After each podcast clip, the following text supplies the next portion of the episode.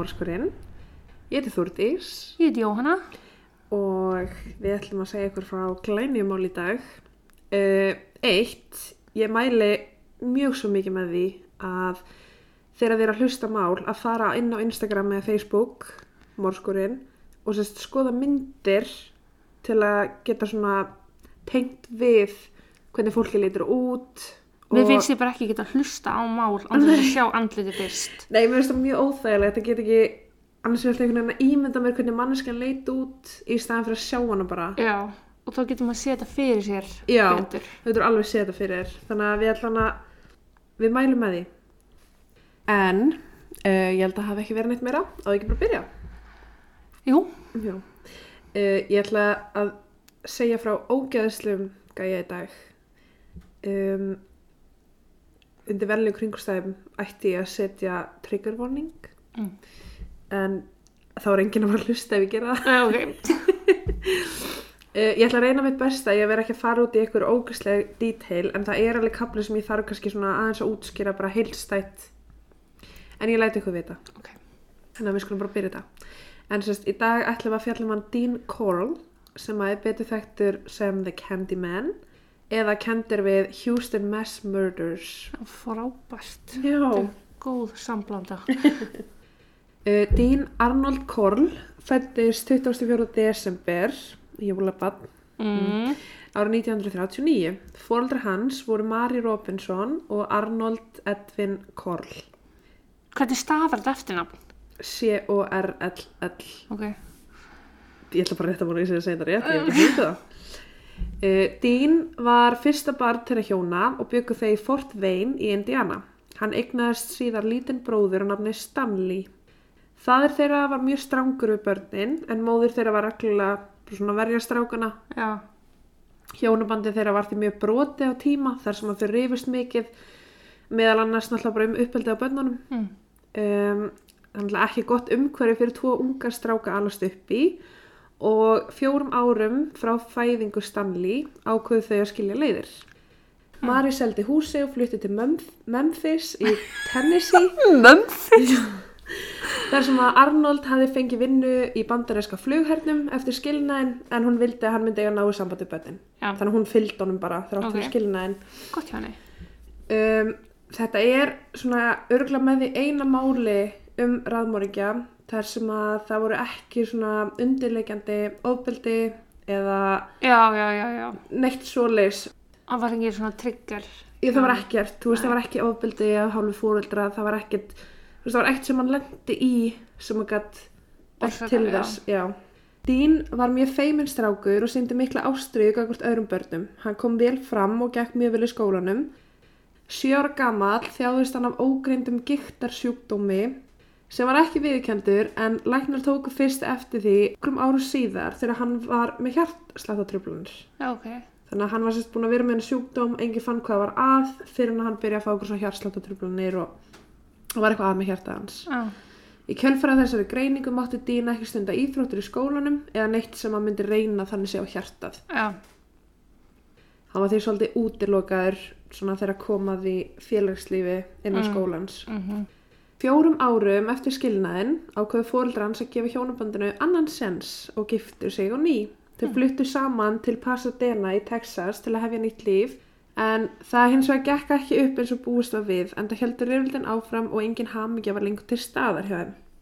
Þremur áru síðar, þau reyndu hennar fjórum áru síðar, svo þrem árum eftir það, þá skildu þau aftur og Mari var þá orðin einstæð móður með forræði en Arnold fekk einnig að sjá síni sína reglulega en það vildi þeir halda góðu sambandi þar á milli. Mari kynntist klukkusölumanni, clock salesman, ok, Mari kynntist manni sem seldi klukkur en hann hétt Jake West. Fjölskyldan flytti þá saman til Vítor í Texas þar sem að þau giftu sig og Joyce, yngri sýstir hans Dean, fættist. Þau eru því nú orðin fimmana fjölskylda og það var ekki ódýrt á þeim tíma að slík, halda slíkri fjölskylda uppi. Þau kynnast manni sem að selur pekantnetur og í kjölfæri ákveða þau að opna fjölskyldufyrirtæki sem að nefnist Pecan Prince og var það starfandi í bílskunum þeirra en þar framlituði nammi og seldu áfram. Ok. Dean og Stanley voru komnir í mentaskóla og hjálpuðu til við fyrirtæki en þeir mættu sérst bara í skólan á daginn, unna á kvöldin og nætunar. Þeirra starf var að sjá um allt sem að tengdi starfseminni, meðal annars að framleiða pakka inn, sjá um velarnar og selja nammið. Dean uh, var í mentaskóla frá 1954 til 1958 og gekk mjög vel.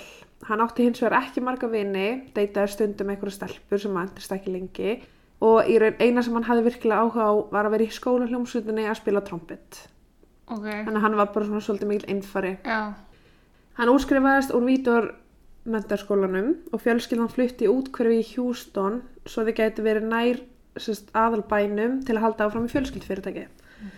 En það var sérst nammið þeirra selt og því auðvildar að fylgja eftir vörunum. Fjölskyldan opnaði nammibúð sem að hétt einni Pecan Prince eins og bílskúrs framleiðslan þeirra. Árið 1960 þá 21 árs bað móður hans Dean um að flytja til ömmu sinnar í Indiana en hún hafði mist manni sinn og átti mjög erfitt fyrir. Þar byrja hann að deyta stelpu sem að baða hann um að giftast sér eftir tveggja ára samband en hann neytaði henni og flutti aftur til Houston til að hjálpa við fyrirtæki bað hún hann um að giftast Já. sér, ok? og hann neytaði. Á þessum tíma voru Mari og Jake, sérst mamma og stjúppabi, með vandamáli hjónabandinu voru ekki alveg að finna haminguna svo árið 1963 ákveðu þau að skilja. Mari ákveði að opna hennar eigin nammibúð og bað Dín um að hjálpa sér við fyrirtæki. Þar fenguðu starfsmenn og varð verksmiðjan stór fyrir sig en hún hétt Coral Candy Company. Það var sérst mikið af starfsfólki að vinna fyrir það, þetta var ekki bara þau Já, þrjú, þau voru með starfsfólk og sérst það var meðal annars einn ungur strákur að vinna fyrir fjölskylduna en sérst eftir smástund byrja hann að kvarta í Mari um að sonur hennar Dín væri óveðandi við hann og að hann væri sérst bara að tala við hann kynfyrirslega á áriðan snertan og eitthvað svona dæmi. Þessi strákur var sérst að byggja Mari um að byggja Dín um að hætta þessu en það langaði honum að halda vinnunni. Erfitt að fá vinna á þessum tíma en Mari endaði að reka hann. Og það er ekki vita hvort hún hafi bara haldið hann væri að ljúga eða bara ekki nætt að spá í þessu. Þannig að það lítur ekkert vel út fyrir fyrirtæki þegar fórstöðumadurinn sem var sonur hennar er að snerta litla stráka. Já, Ári síðar, nú orðin 25 ára gamall, var hann kallaður í herin í bandaríkjunum og staðsettur í Fort Polk í Louisiana til grunnþjálfunar. Hann var síðar skipaður í Fort Benning í Georgíu til þjálfunar sem viðgermaður en endaði svo í að fara í Fort Hood í Texas. Kunnistu ekki allir Fort Hood? ég get ekki, ég ekki horta þig, sko. Það var á þeim tíma sem hann var að átta sig á því að hann væri samkynniður og átti í nokkru leyndum sambundum með öðrum hermunum á sveðinu. Ó, já, þetta er sá tími, hann alltaf gæti ekki verið Nei, það var allt óbæli annað. gay. Já. Starfstíminn hans var hins vegar óflekkaður en Dean hataði samt að vera í hernum. Hann sótti um nauðungar útskrift á þeim forsendum að þörf væri á honum til að hjálpa við viðskipti fjölskyldunar. Herin varð að beina hans og honum var veitt heið, við heið virðri útskrift þann 11. júni árið 1965 eftir tíu mánuða þjónustu. Svona honorable Já. discharge. Fólk byrjaði að átta sig á því að hann væri samkynnaður, hann kom þó aldrei óbyrgulega út með það en þótti það ekki að hæfi á þessum tíma. Hann byrjaði að hefða sér öðruvísi, var feimin í kringum bara aðra unga stráka. Mm. Hann flutti aftur heim, sérst eftir herin, og varð fórstjóri fyrirtækisins. Ári eftir heimkomu ákveðu þau að flytja fyrirtæki um sess og varða því staðsett fyrir utan Hilms grunnskólan. Mjög óheppilegt. Já. Þar byrjaði Dín að gefa krökkum fritt nammi. Það var aðlega að tala um nammi sem að var sagt, ekki söluhæft. Svona útlitskallaði eða eitthvað. Já. Og þar leiði fekk hann viðnefnið The Candyman og Pipe Piper. Því hann ávann sér tröst þessar stráka með nammi. Mm.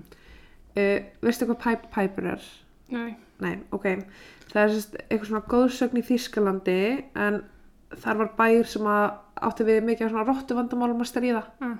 og það var bara rottur út um allt og sérst, e- eitthvað einn daginn kom einhver dölafullu maður sem að sagði bara ég skal losa ykkur við alla rottunar fyrir eitt úrskull og bæjarstjórinn samþýtti það og hann spilaði okkur svona töfrarur Oh my god, já. sem að let alla rottunar fara í vatn og druknu Já, já, já, já. Ég veit með það reyndi. hann sérst fekk þetta viðnefni því að notaði nammi sem tálbyttu til að fá unga stráka með sér svo hann geti áreitt á kynfyrirslega Mm. en ég kem að ég síðar Dean setti púlborð í verksmiðinni í vonum að starfsmenn og þá sérstaklega ungi menn á svæðinu myndu nýta sér það. Árið 1967, þá 28 ára gamall, kynntist hann hinn um 12 ára David Owen Brooks. En hann var einn af þeim sem að Dean gaf reglulega nammi og bara hjekk í verksmiðinu að spila púl með öðru strákum. Dean og David urðu mjög nánir og fór í ferðalög saman en sérst, David fannst Dean skemmtilegur af því hann var einn af fáum sem að gera ekki grína á honum. Ok. David var sérst með glerugu og bara var laður í einaldi og Dean, úst, hann sá hann bara svona sem föðmynd. Mm. Ef hann vantaði peninga þá var Dean alltaf tilbúin til að gefa honum pening. Það endaði þó í kynferðislegu sambandi á milliðra þegar Dean var 30 ára og David 14. Dean myndi meðal annars borgunum peninga fyrir að leifa sér að stunda munnmög við hann. Fóldrar hans David voru skilin og bjó móður hans í B-Mount en fadir í Houston og sérst hann bjó hjá mömmu sinni Mm. Og heimsóti pappa sinn og í hver skipti sem hann fór að heimsækja pappa sinn í Houston þá var hann eða bara heima á Dean Já, ég skilu. uh, og sérst á endanum flutti David bara sjálfur til Houston og bjó með honum Mm.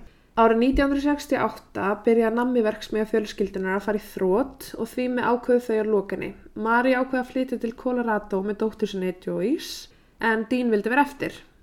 I wonder why. Æmi. Hann fekk vinnu hjá Houston Lighting and Power Company sem rafvirki. Uh, hann talaði mikið við fjölskylduna sína í síman en eftir að Mari flutti burt hittist þau aldrei aftur.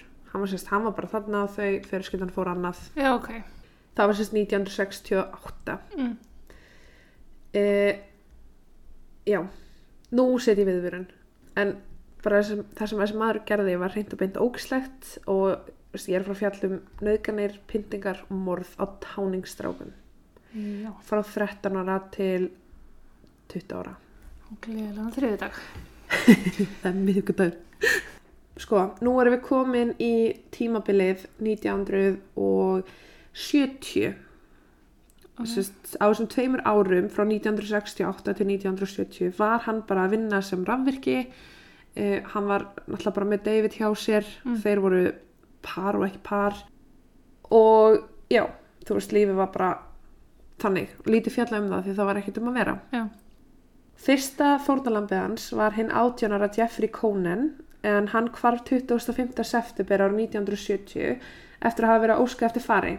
Sest, mikið af þessum krökkum voru að fara svona hitchhiking Já. eða fara puttunum.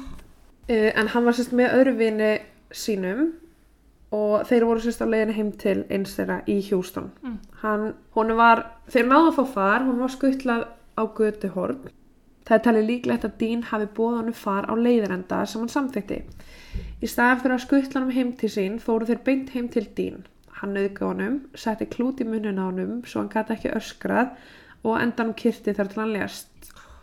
Hann var sér grafin undir grjót, vafin í plast, nakin með bundnar hendur og fætur með nælonsnúru á High Island ströndinni sem var einn af þremur stöðum sem að Dean notaði til að dömpa líkunum. Eftir þetta útbjóð Dean heimagert pyntingarborð þar sem að var handján og reypi fast á svona langri breytri spýtu. Ok. Það er ljóst að fyrsta morðið hans gaf honum svo mikla ánægju að hann ætlaði sér ekki að stoppa þar. Þegar ég segi pyntingar, Mm. þá er ég að meina ógislistu, ógislistu pyntingar allra tíma sem þið geta ekki eins og ímynda ykkur. Eftir fyrsta morðið gekk David inn á Dean þar sem hann var að misþyrma tveimur ungur strákum. Já. Hann mætti þangað óbóðinn og tók eftir því að strákunir voru strappaðir niður í spýtuna sem að lág á gólfinu. Já, já. Dean stökk af þeim þegar hann gekk inn og sagðist bara vera að skemmta sér aðeins. Hann sagði svo David frá því að hann myndi kaupa handunum bíl ef hann myndi lofa að segja einhver frá þessu. Var ástasamband þeirra á milli? Já, Þú veist, legit ástasamband, eða var þetta... þetta var orðið ástasamband, já. ok. En þetta var vina slags ástasamband. Já, Þeir ok. voru ekki beint par. Nei. Sérst 15 ára David á þessum tíma samþykki það. Það var alltaf bara geggjað að fá bíl. Já. En hann held náttúrulega bara endanum að hann myndi sleppa þessum strákum. Mm Hann keipti handanum grænan Chevrolet Corvette og var David, David heimil lífandi með það. Dean sagði honum að endanum frá því að hann hafi drepið strákin svo hann þyrfti ekki að hafa áhyggjur um að lögregla myndi komast að þessu. Og þar leindi veit David núna að strákunum var drepin. Já. Dean sá á, ákveði tækifæri í þessu en það var búið að loka verksmiðin hans og því erfiðra fyrir hann að fá stráka heim til sín. David hefði tekið við bílnum og þægði yfir því sem hann sá, svo hann ákvaða að nota David frekar. Hann bauði honum 200 dólara fyrir hvert strák sem hann myndi koma með heim til hans og David samþýtti. Það var þá sem að samvinna þeirra byrjaði og átti David eftir að skaffa honum þó nokkuð mörgum fórtalömpum. Mm. En hann var þó ekki einn. Nei, frábært. Í desember ár 1970 lokkaði David tvo 14 ára strákar nafni James Glass og Danny Yates frá mótmælum sem að þeir voru á. Þeir komu með hann heim til Dean. James og David voru kunningjar og því var ekki erfitt fyrir David að samfæra það um að koma til Dean. Enda hefði hann lofa honum áfengi og fíknefnum, eitthvað sem var ekki hægt að fá þeirra aldrei. Nei. En það var þannig sem flest fórnalömpin voru fengin heim, annarkort með því að bjóða þeim far eða sérst bjóða þeim í partí. Já. Og það var bara að tala um að húsi hans var bara eitthvað svona partíhús. Og svo ertu með David sem er á sem aldri og það er svona að gera það eiginlega örugara heldur en að vera að fara heim til einhvers gamals kall. Já, já, já. Eftir að hafa drukkið mikið voru þeir nánast áfengjustöðir, enda bara 14 ára að drekka í fyrst skipti. Þeir voru bundnir við pyntingaborðið hans, þar sem að Dín nöðgæði þeim og endan kyrti til dauða. Dín var á þessum tíma að leia bátaskúr en þeim var dömpa þangað og hann hafði sérst notað svona startkabla. Sem Til Þetta eru börn þúldís. Sex vikum eftir morðið á strákunum komu Dín og David auga á tvo bræður, Donald og Jerry Waldrop, sem að voru ganga heim. Þeim hafði verið skuttla til vina síns af föðu þeirra, en þegar þeir komist að því að vina þeirra var ekki heima á hvað þeir sérst að ganga heim. Dín og David komu að þeim, buðu þeim far, sem þeir þáðu. Hins vegar enduðu þeir aldrei heima á sér, heldur heima hjá Dín, á Magnum Road sem hann hafði nýlega leikt. Þar var þeim nauðgað, kyrtir og grafnir í bátagemslunni. Og það ógæslegasta við þetta er að sérst fadur þessar stráka var að vinna við að byggja hús við dýn og var þar daginn sem að þeir voru misþyrptir heima hjá dýn í húsinu við fokkans hliðin á. Ógæslegt. Á milli mars og mæ árið 1971 rændi Dín þremur aðalum og draf þá sem að allir áttu heima í Houston Heights og talið að David hafi hjálpa honum með að finna þá. Einn af þeim var 15 ára Randall sem að sá síðast að hjóla nálat vinninu sinni. Það er óvitað hvernig hann samþýtt að fara upp í bílinn hjá Dín en mjög líklega var hann lofa áfengið djammi en David var náttúrulega bara mjög hann í för svo hljómaði miklu betur en að fara með einhverjum gamlu manni. Já. Hini tveir, 13 ára David og 16 ára Gregory voru teknir á sama tíma. Þeir fengu sömu örlög og fyrir fórnulegum hans og á endanum var þeim hend í bátagemsluna. Veitu hvað, erum við komin upp í átta fórnálum núna? Já, alveg Sjö eða sleppa, átta, já, vá. Sem sagt, þetta er í Houston og þetta eru mjög mikið strákar á svipum aldri, svipum aldri og David og mjög mikið af þessum strákum þekkjast eða hafa einhvern tengst. Mhm. Það var það sem ég fannst svona ógæslegast við þetta. En David er bara að ná í strákur sem hann veit hann getur auðvitað náð í og í kjálfari fengið auðvitað 200 dólara já, sem að eru miklu peningar á þessum tíma. En sko til að fara yfir tenginguna uh, Gregory, hann var kærasti sýstur hans Randall sem hann var tekinn hann að tveim vikum áður Já. og það er bara ótrúlegt að lögreglan hafi ekki átt sig á því eitthvað meira en bara táningar og strjúka Já, var þið bara klínt á það? Ok. það var aldrei hugsað til að það væri ræðmörgi á svæðinu. Það var alltaf, allan þennan tíma hugsað til þess að stráknu var að stinga Oh, ég vonum betra líf, finna sér vinna annars staðar. En þú veist bara því að tengingin er svo mikil þú veist að hverfi strákur og svo allt í hennu tvei vengur setna hverfi líka kærasti systur hans. Þetta er svona svo hverfi vinur þessi og vinur þeir þessa hafði og þetta skoða betur bara. miklu betur. Betur fóreldra strákuna sem að hurfu voru öll að leita sínum sínum það, þetta var ekki krakkar sem að átti ekki fóreldra sem var sama Nei, það voru ok. allir að leita af hverjum einasta strák sem að hvarf Ok. Fóreldrar David og Gregory sem að voru síðustu fórnalömpin sem ég fjalla um, Ah. þau settu upp miða um allt hverfið í vonum að einhverju sé að sinna þeirra. Einn af þeim sem að bauðst til að dreifa auðlýsingunni var 15 ára Elmer Wayne Henley sem var einn af bestu vinum hans, uh, David, sem að hvarf. Hann er þó kallaður Wayne og ég mun fjalla hans nánar um hann Ok. og eftir. Ok. Í ágúst hittu þeir David og Dean, 17 ára Ruben sem var að ganga heim úr bíó. David bauði hann að koma heim og djamma með þeim sem hann þáði og endaði hann látin í bátaskurnum daginn eftir. Mánuði síðar flutti Dean í aðra íbúð. David hjálpa honum að finna tvönu fórnulömb á þeim tíma en einum þeirra var meðal annars haldið lifandi í fjóra daga ára hann var drepin. Það er þó enn óvita um hverjir þeir voru en það hefur ekki verið hægt að bera kennsla þá. Oh. Sko, til að taka þetta saman, það var oftast sem að Dín pyntaði stráka, meðal annars með því haldið þeim á lífi nokkra daga. Uh, hann setti í mig stót í munnin á þeim, svo við gátt ekki talað, notaði svona rámakskapla til að gefa þeim ströym. Mm. Uh, hann var einnig með mikið kynlífsleikfengum heima á sér, sem ég ætla ekki að fara nánar út í.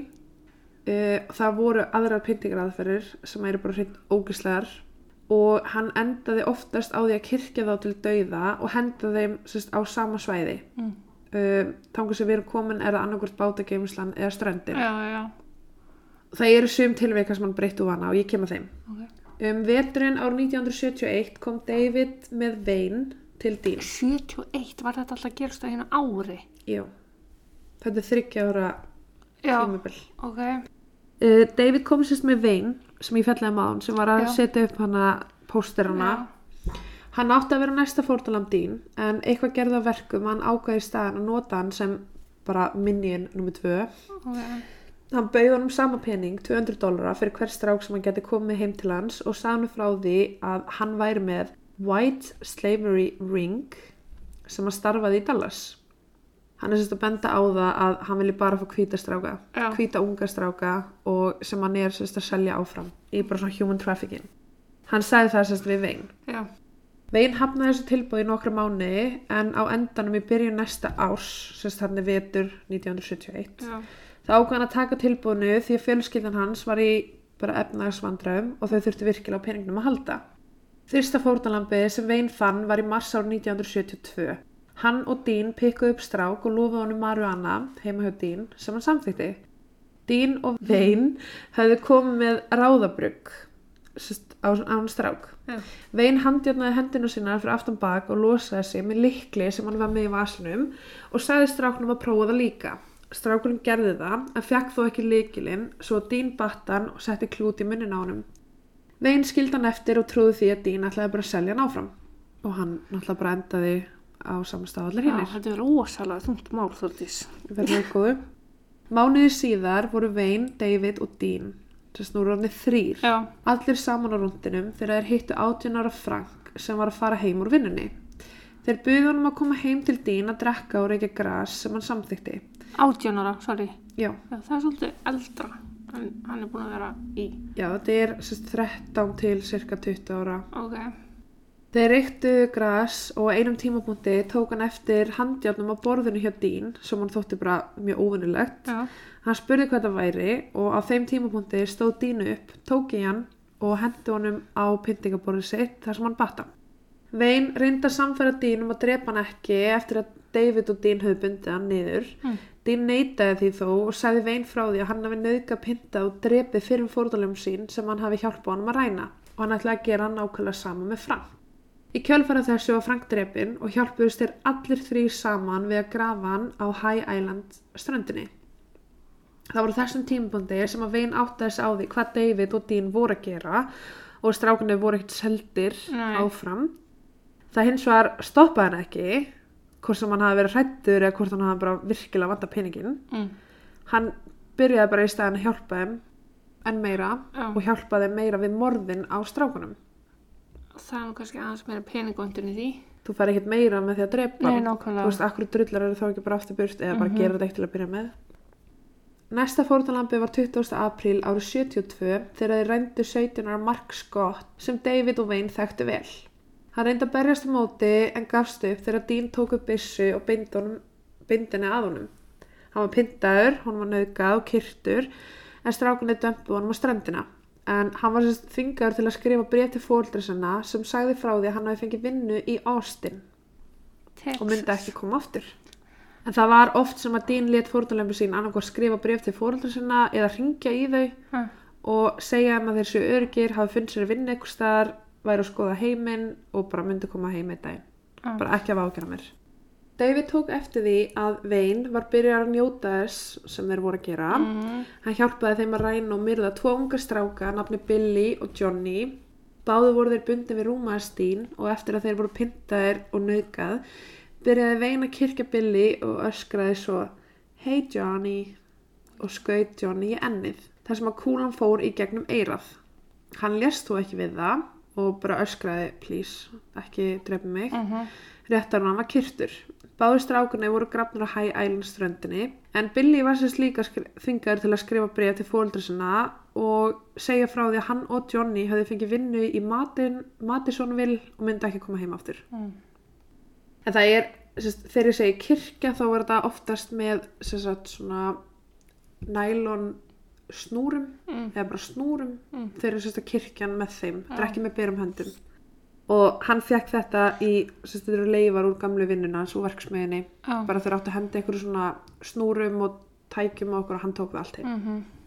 og sapnaði Dín flutti sér reglulega um setur hvort sem það hafi verið svo hann myndi ekki finnast af lauruglu eða hvort hún langaði bara að breyta til, Mhm. veitum við ekki á meðan hann bjó í Schooler Street lokkaði tríóið hinn 19 ára Billy heim til þeirra hann var bundin við krossvegaborðið pyntar og misnotaður David reyndar samfæra Dín um að leifa Billy að vera látið laus sem hann samþykti Ok. Billy var sleft en fór þó aldrei til lauruglunar bara vegna óta Væntanlega. Það var einn daginn sem Vein réðst á David og sló hann meðtundalausan þegar hann kom heim. Dean batt hann við rúmu sitt og misnótaði hann en hann gætt sleppt honum. Þrátt fyrir árusuna held David áfram að hjálpa Dean við að ræna strákum. What? Þetta er heila því, sko. Eftir að hafa yfirgefið Schooler Street, ég ætla ekki svo að segja hvernig stafað, flutti hann í Westcott Towers þar sem hann draf tvö önnum fórtalum. 17 ára Stephen sem að sá síðast yfirgefa partí á svæðinu. Hann var með nokkuð brotir rifbein en hann hafði verið lamin með barabli áður en hann var kyrtur og grafin í bátaskurnum. Um það byrj einu mánuði síðar var hinn 19 ára Rói rænt þegar hann gekk í vinnuna. Það var trúið hanglaði munin á honum og bundið með limbandi. Hann var hins vegar skotin tvisvar í höfuðið og grafin í bátaskurnum. Hvað komast margir í hérna bátaskúr? Uh, sko, ef þú myndir sjá mynda þessu þá er bara gólfið mold, Mm. ekki spyrjum af hverju, og svo er þetta bara svona skúr, þetta er ekki það stór skúr. Þetta er bara svona skíli, eitthvað. Já, þetta er bara svona svo bátaskili og svo er bara búið að grafa og setja lík hér og grafa og setja lík hér og mörg, mörgum var dömpa ofan hvort annað og Og ég bara, þú Það var- segir þetta sem sé venjulegt, mörgum að dömpa á hvort annað og... nei uh, þessi tvö fórnalömb Mm. Stephen og Roy þeir voru báður auðkendir ára 2011 Já, sæl.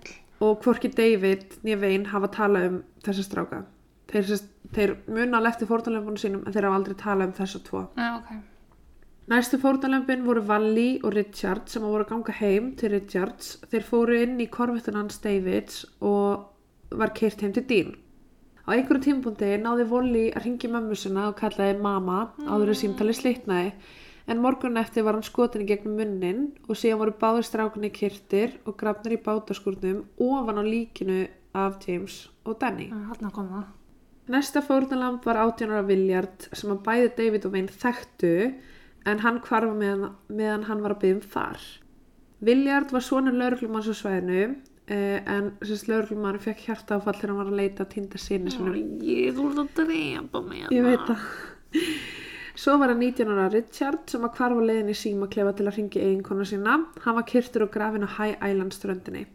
Það voru allan tíu strákar á aldrum 13 til 19 ára sem voru myrtir frá februar til november á 90, 1972. Fimm þeirra voru grafnir í bátageimslunni og henni fimm á ströndinni. Og voru þessi lík á ströndin ekkert að finnast eða? Ég kem að því. Ok, Það er mjög leiðilegt Mm. en ég kem að því. ok. Í janúar árið 1973 Mm. flutti Dean enn og aftur. Og innan við tveimu vikum eftir hann flutti hafði hann dreipið 17 ára Joseph sem hann báði strákunni þekktu.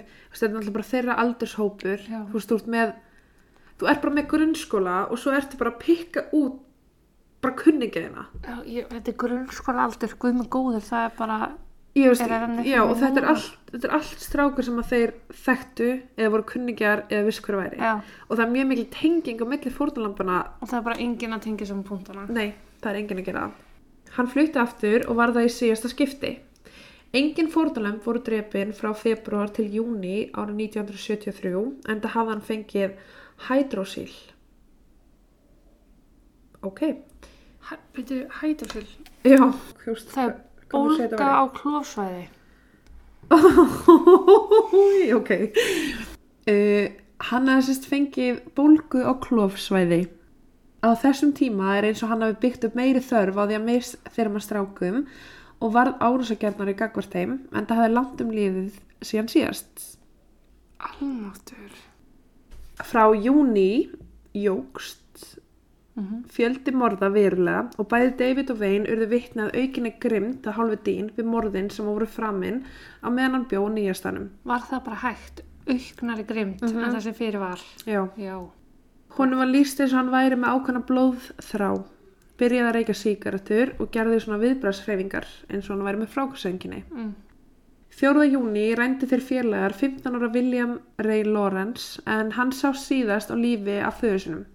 Hann hafði hitt David og Wayne og hringdi í föður sinn til að spurja hvort hann mætti fara að veiða með þeim. Eftir þryggjata misnótkun og misþyrmingar var hann kyrtur og grafinn við þriðja og síðasta staðin, Sam Rayburn vatnið Já, hann hafði bátskilið, ströndin og þetta vatn. og vatnið. Ok. Tæpu tveimu vikur síðar endaði 20 ára Raymond með sömu örlög en hann hafði verið að leita sér að fari til að hitta nýfætta barnið sitt. Hættu í mér. Já. Í júli sérst 1973 byrjaði Vein í aukunámi þar sem hann kynntist Homer Louis Garcia sem var 15 ára. Uh, 7. júli ringdi Homer í móður sinna og sagði henni frá því að hann ætlaði að gista hjá nýja vini sinum. Hann var skotinn og blætti úr honum í baðkarnu heima hjá Dín áður en að hún var að endanum dömpað við samreipun vatnið. Fimmtugum síðar var hinn 17 ára John Sellers skotinn til bana og grafinn á sama stað. Það var þó sett spurningamerki við það hvort að John hafi verið eitt af fórnalömburum hans Dín þrátt fyrir hann hafi verið grafinn við samreipun vatnið en hann John var sérst bandarískur landgönguliði sem var tilkynntu tindur 12. júli 1973. Hann hafi verið drepin með fjórum skotsárum í bringuna úr rifli en öll fórnalömpuna Stín voru skotin með skambissu. Ég held þessi ekki sama. Bílinn hans fannst einnig brunnin í Louisiana viku eftir hann hvarf. Lörglumæður hafi verið leittur að líkinu hans að bílstjóra vöruflutningabíls sem að sagðist hafa rætt við ungan strák sem að hann taldi vera vein eftir að hann festi bíli sinni sandi nálægt því sem að líki fannst.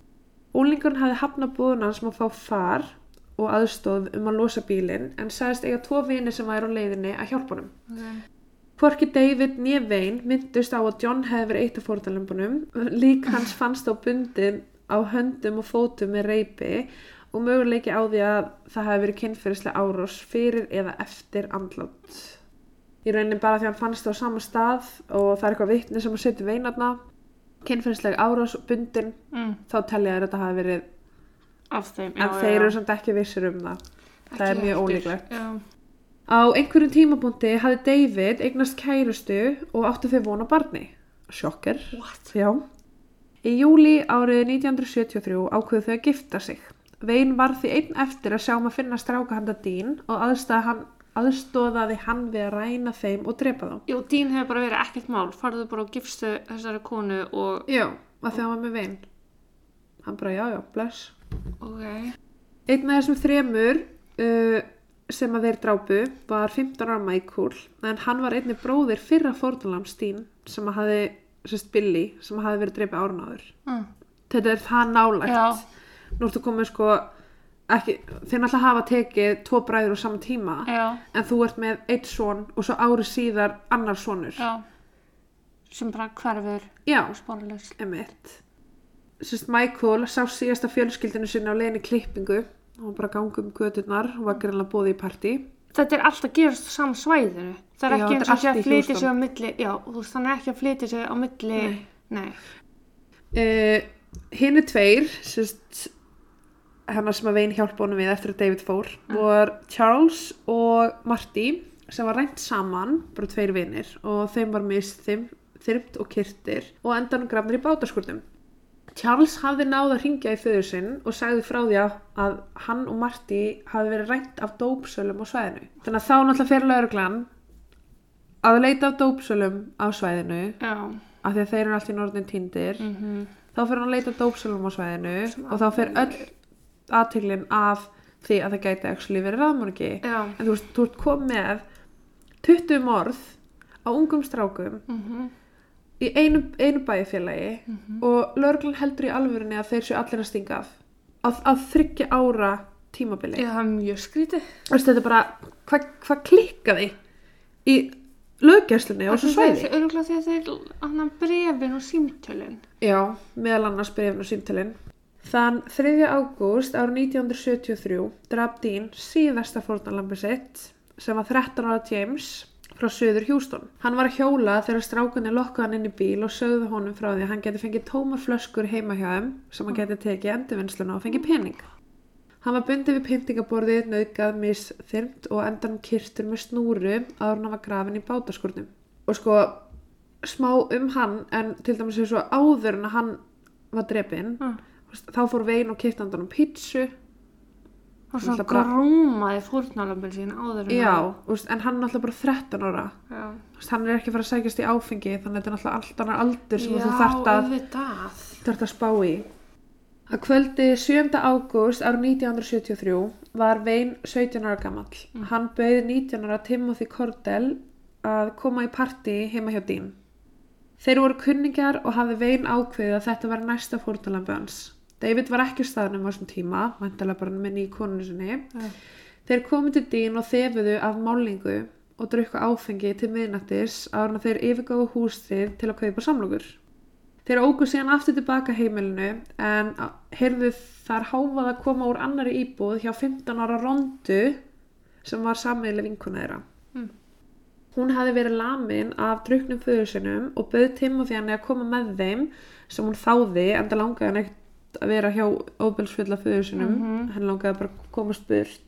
Hún fór í aftursætið og þau kerðu öll saman heim til Dín. Klukka var árið þrjú að aðfórnátt 8. ágúst þegar að koma þangað tilbaka. Uh, Dín sér að hann hafi tekið stelpu með og var reyður. En það hafði hann ekkert not fyrir hana því hann heitlaðist ekkert að kvennfólki. Nákvæmlega. Hann kvíslaði að Vein, you ruined everything. En Vein útskýri fyrir hann hvað er gerst og Dín samþykkt að leifa þeim að vera hana.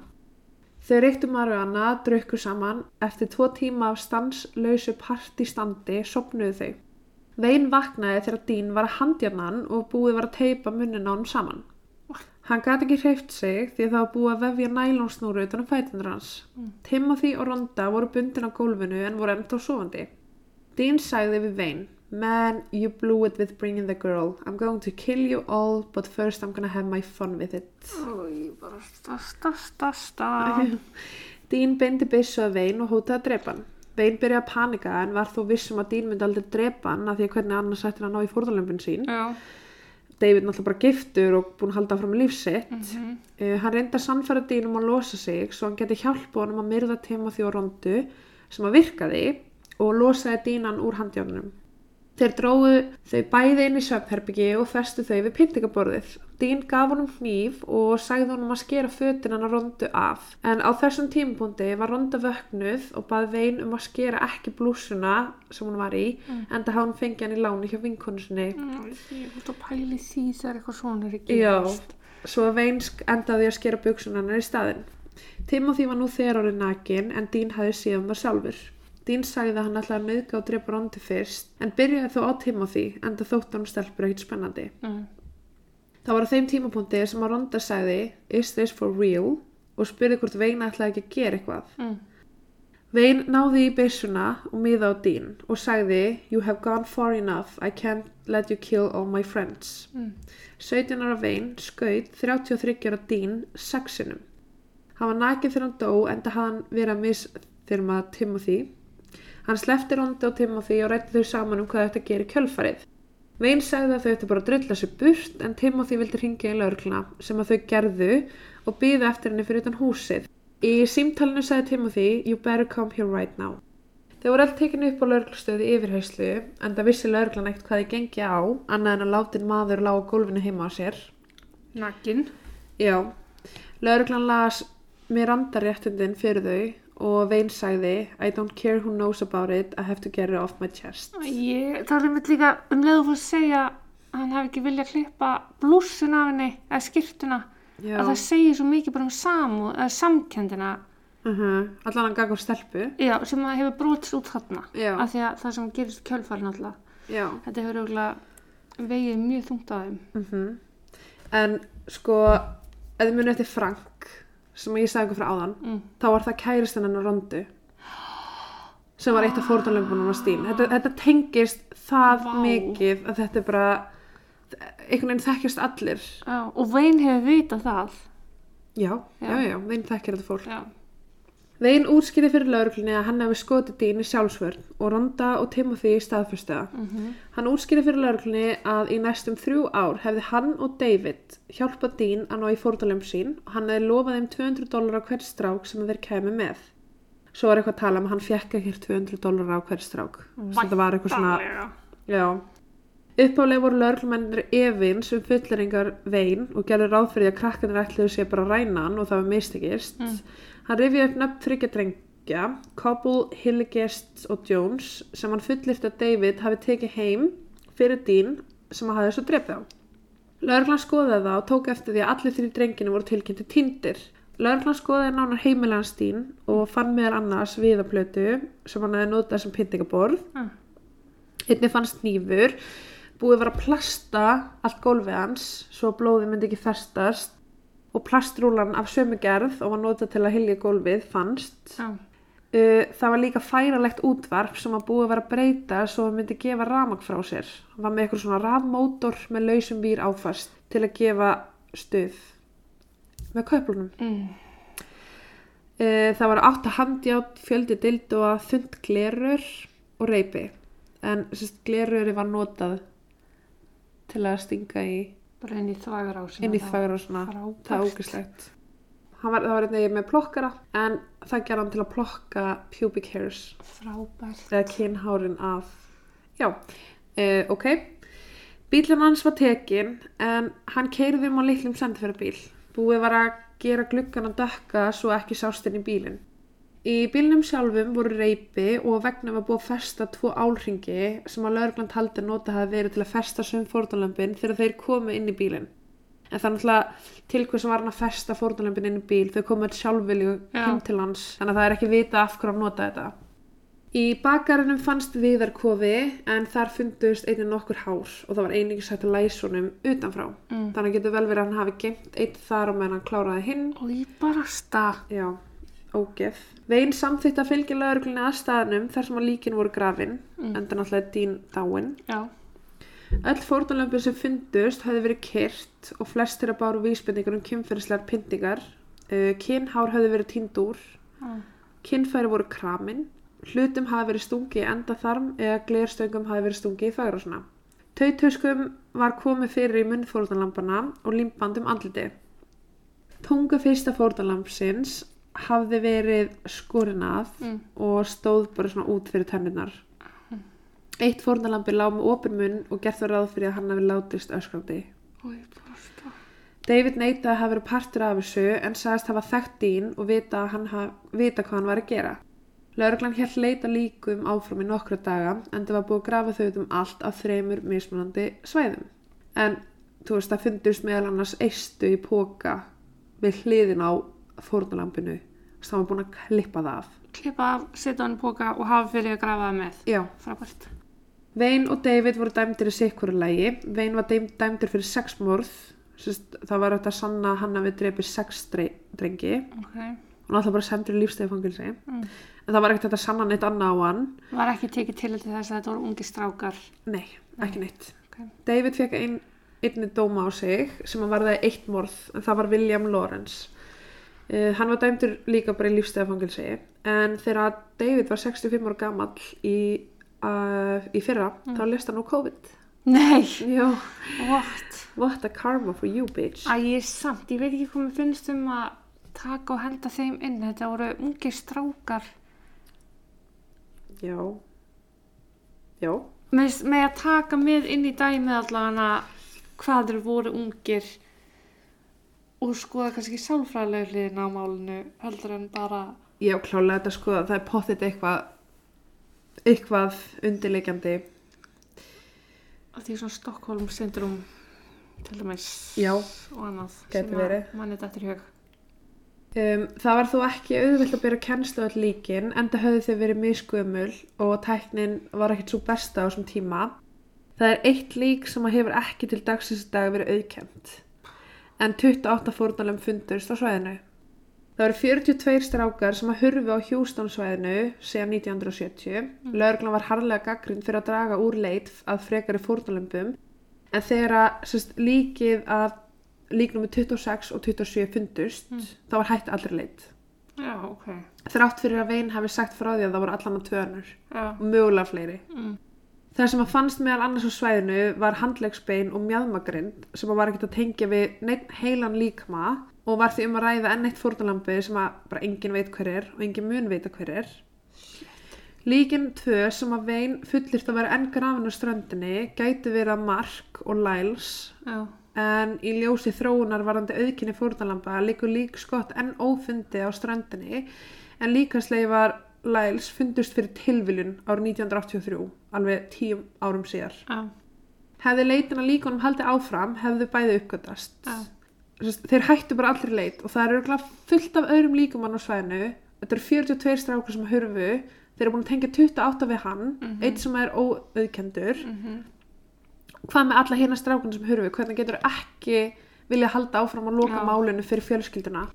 En sem sagt, hefði leitin að líkunum haldið áfram, hefðu þau öll fundist, Já. en í kjölfæri að fellibilnum Æki árið 2008 Æk. Æk er strandin þar sem að Dean gróf líki sinn á kafi og það mun aldrei finnast neitt þar aftur. Shit. Og einhverja fjölskyldurinn úti bara að halda að sinni þeirra hafi stungið af. Já. En get ekki fengið að staðfest að þeir hafi lent í höndunum og raðmóringja.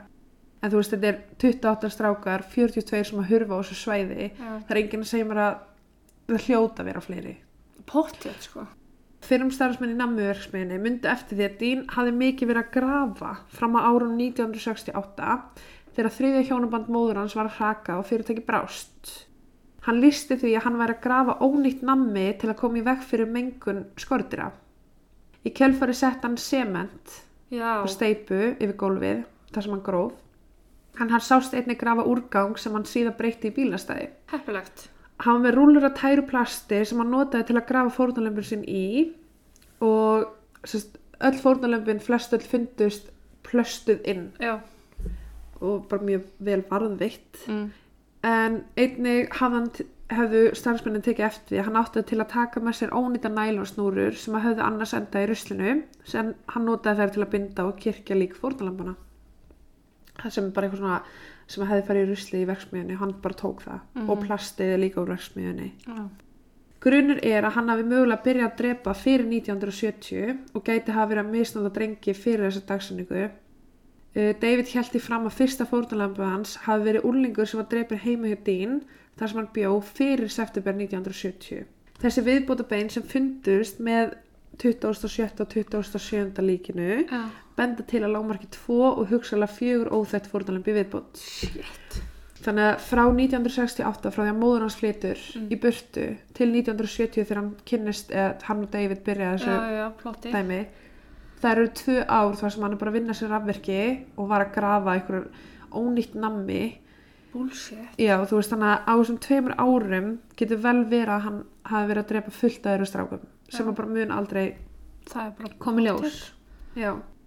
Það eru líka tvær grunnsamlega langar eigðir og milli þekktra fórnalamba í tímaröð, þekktra morða. En síðasta fórnalambið hans, árið 1971, var Rúben sem að hvar 17. ágúst. Mm. Og svo næsta fórnalambið hans var 24. mars, Frank, sem var drefin þá. Þú veist, hvað gerði hann í þessu sjö mánu? Já, nákvæmlega. Veist, það er, það er þetta komið sjö mánu þar sem að, ok, jú, hann var með eitthvað, vatni í ekkistokkunum, nei. Og ég ætla að vona að gæði sér ekki með ekkistokka hann með vatni í eistunum með eitthvað. En þú veist, þetta eru sjö mánir það er enginn að segja mér að gæðin hafa bara horfðu sjónarbi heima á sér, sko. Nei, við, það er afár ólílegt allana. já. Uh, fórðalamb nr. 28 var óþekkt eins og ég sá hann, það hefur aldrei náðið ekki hana uh, en það fórðalamb fannst með sundból kúrikastífvel, leðurarband og í stutturmaból sem að var til þess að rannsóknumenn töldu að hann að vera drepin á sumri til. Líki fannst grafið nálægt ingangnum á bátaskilinu uh, á milli Stífen og Rúben Já. en þeir höfðu verið drefnir millir desember 1970 og mæ 1971. sundbólurinn var sérst með skrift á sér sem var eitthvað LB4MF eða LBHMF ah, en þrátt fyrir það að búið setja myndaður netið það er engin auðkjönd barni sitt nei, ok Nokkur vitni komið fram og sögðist hafa séð tríóið á annari strönd að grafa eitthvað svart og ílangt. Það voru einni önnu vitni sem sögðist hafa séð þá á þessari sömu strönd og lístu þeim, bara nákvæmlega eins og þeir voru. Já. Þrátt fyrir það hefur lauruglan aldrei leita á því svæði og bara gafst upp. Þar með getur verið að þetta tímabil þar sem að engin drengur fannst eða var drepin hafi aðri stráka mist líf sitt og séu grafnir þar. mm Í februar ára 2012 var byrt mynd í fréttum af líklu óþættu fórnalambi dýn en það var sérst polaroid mynd sem að fannst í persónlegum eigum vein sem að fjölskyldan hans hafi geimt frá því að hann var handtekinn ára 1973. Myndin sýnir ljósaran unglingstreng í handjárnum og bundin við ótengt tæki á gólfinu hjá dýn.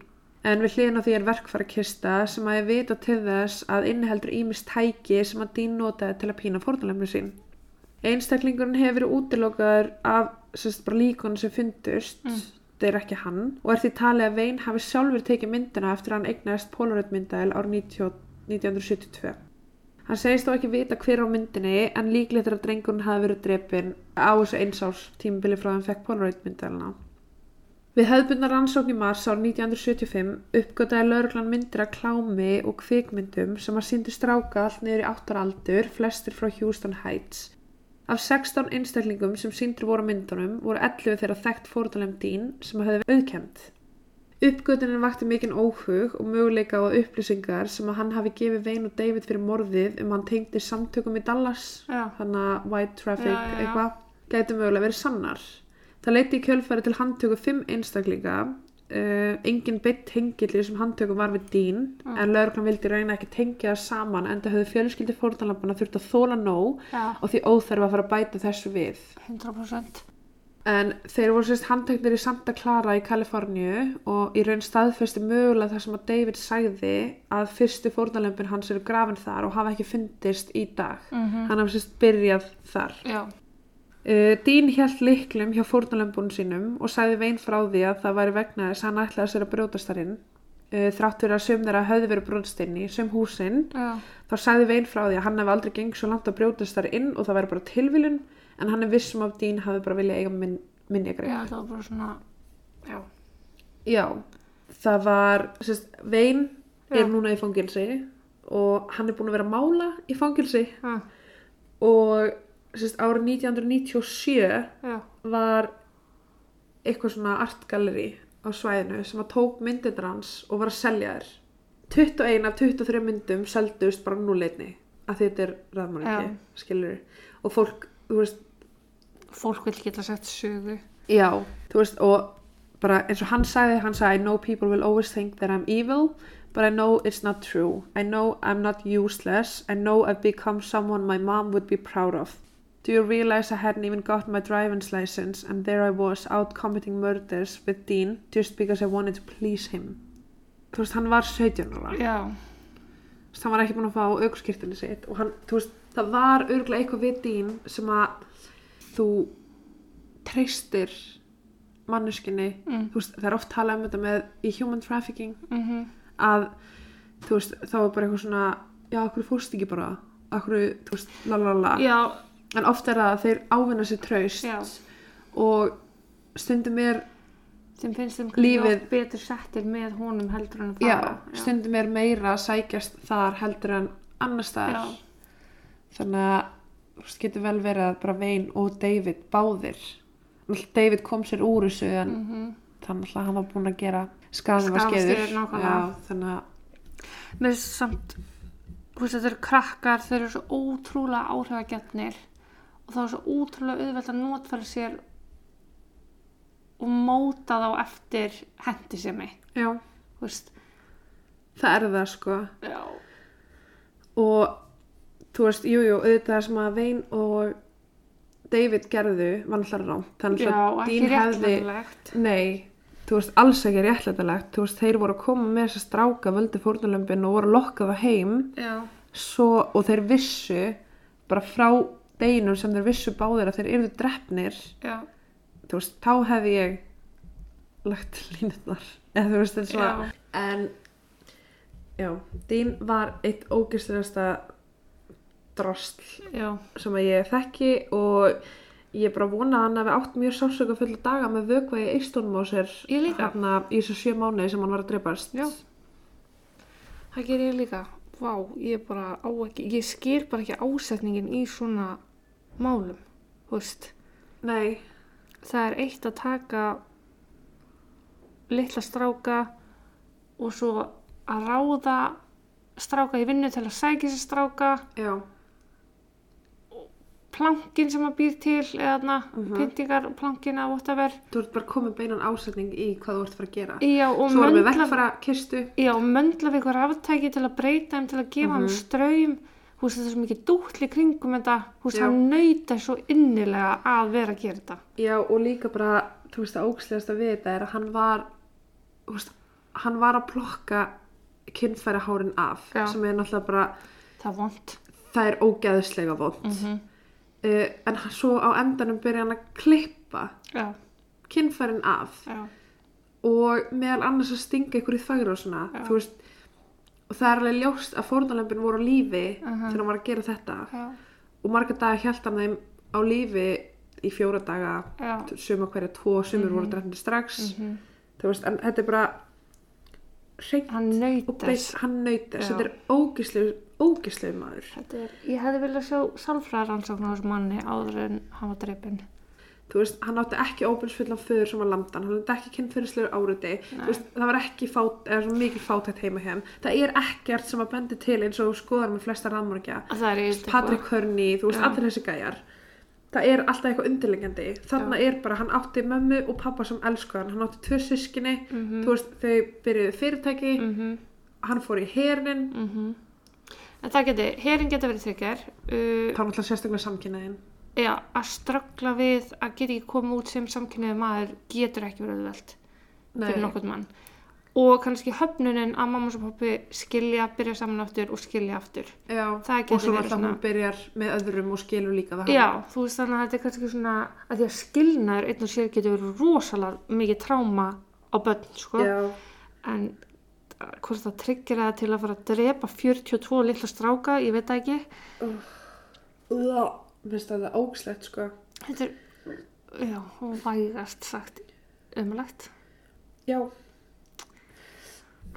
Þetta er það. Og líka bara að ná að koma tveimur ungum strákum með þeirra band til Já. að gera, þú ert að, eigðilegja lífi þeirra, þú veist. David var 14 ára sko. já, Það er undar það besta við þetta er að Vein var aldrei kærður fyrir að hafa drepið dýn þannig að hann má eiga það já, skuldlust ok, að það er bara besta sem hann hefur gert.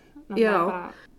Þetta er ógæslegt mál og þetta er ógæsleg gæi og bara vonandi að eiga það góða viku. já, það er svo leist Já, ég, allan, ég held að sé ekkert meira sem við þurfum að segja um þennan mann. nei, minn þáttur er tölvöld léttar en svona að þau vilja ná okkur niður eftir þennan En ég mun allan að setja myndir inn og misógslar en and the face fits the profile allan að þessi mynd sem þú síndi mér á hann já, já, en já, herru, þá segi ég bara takk í byli, sjáum síðar, takk og bless. Takk og bless.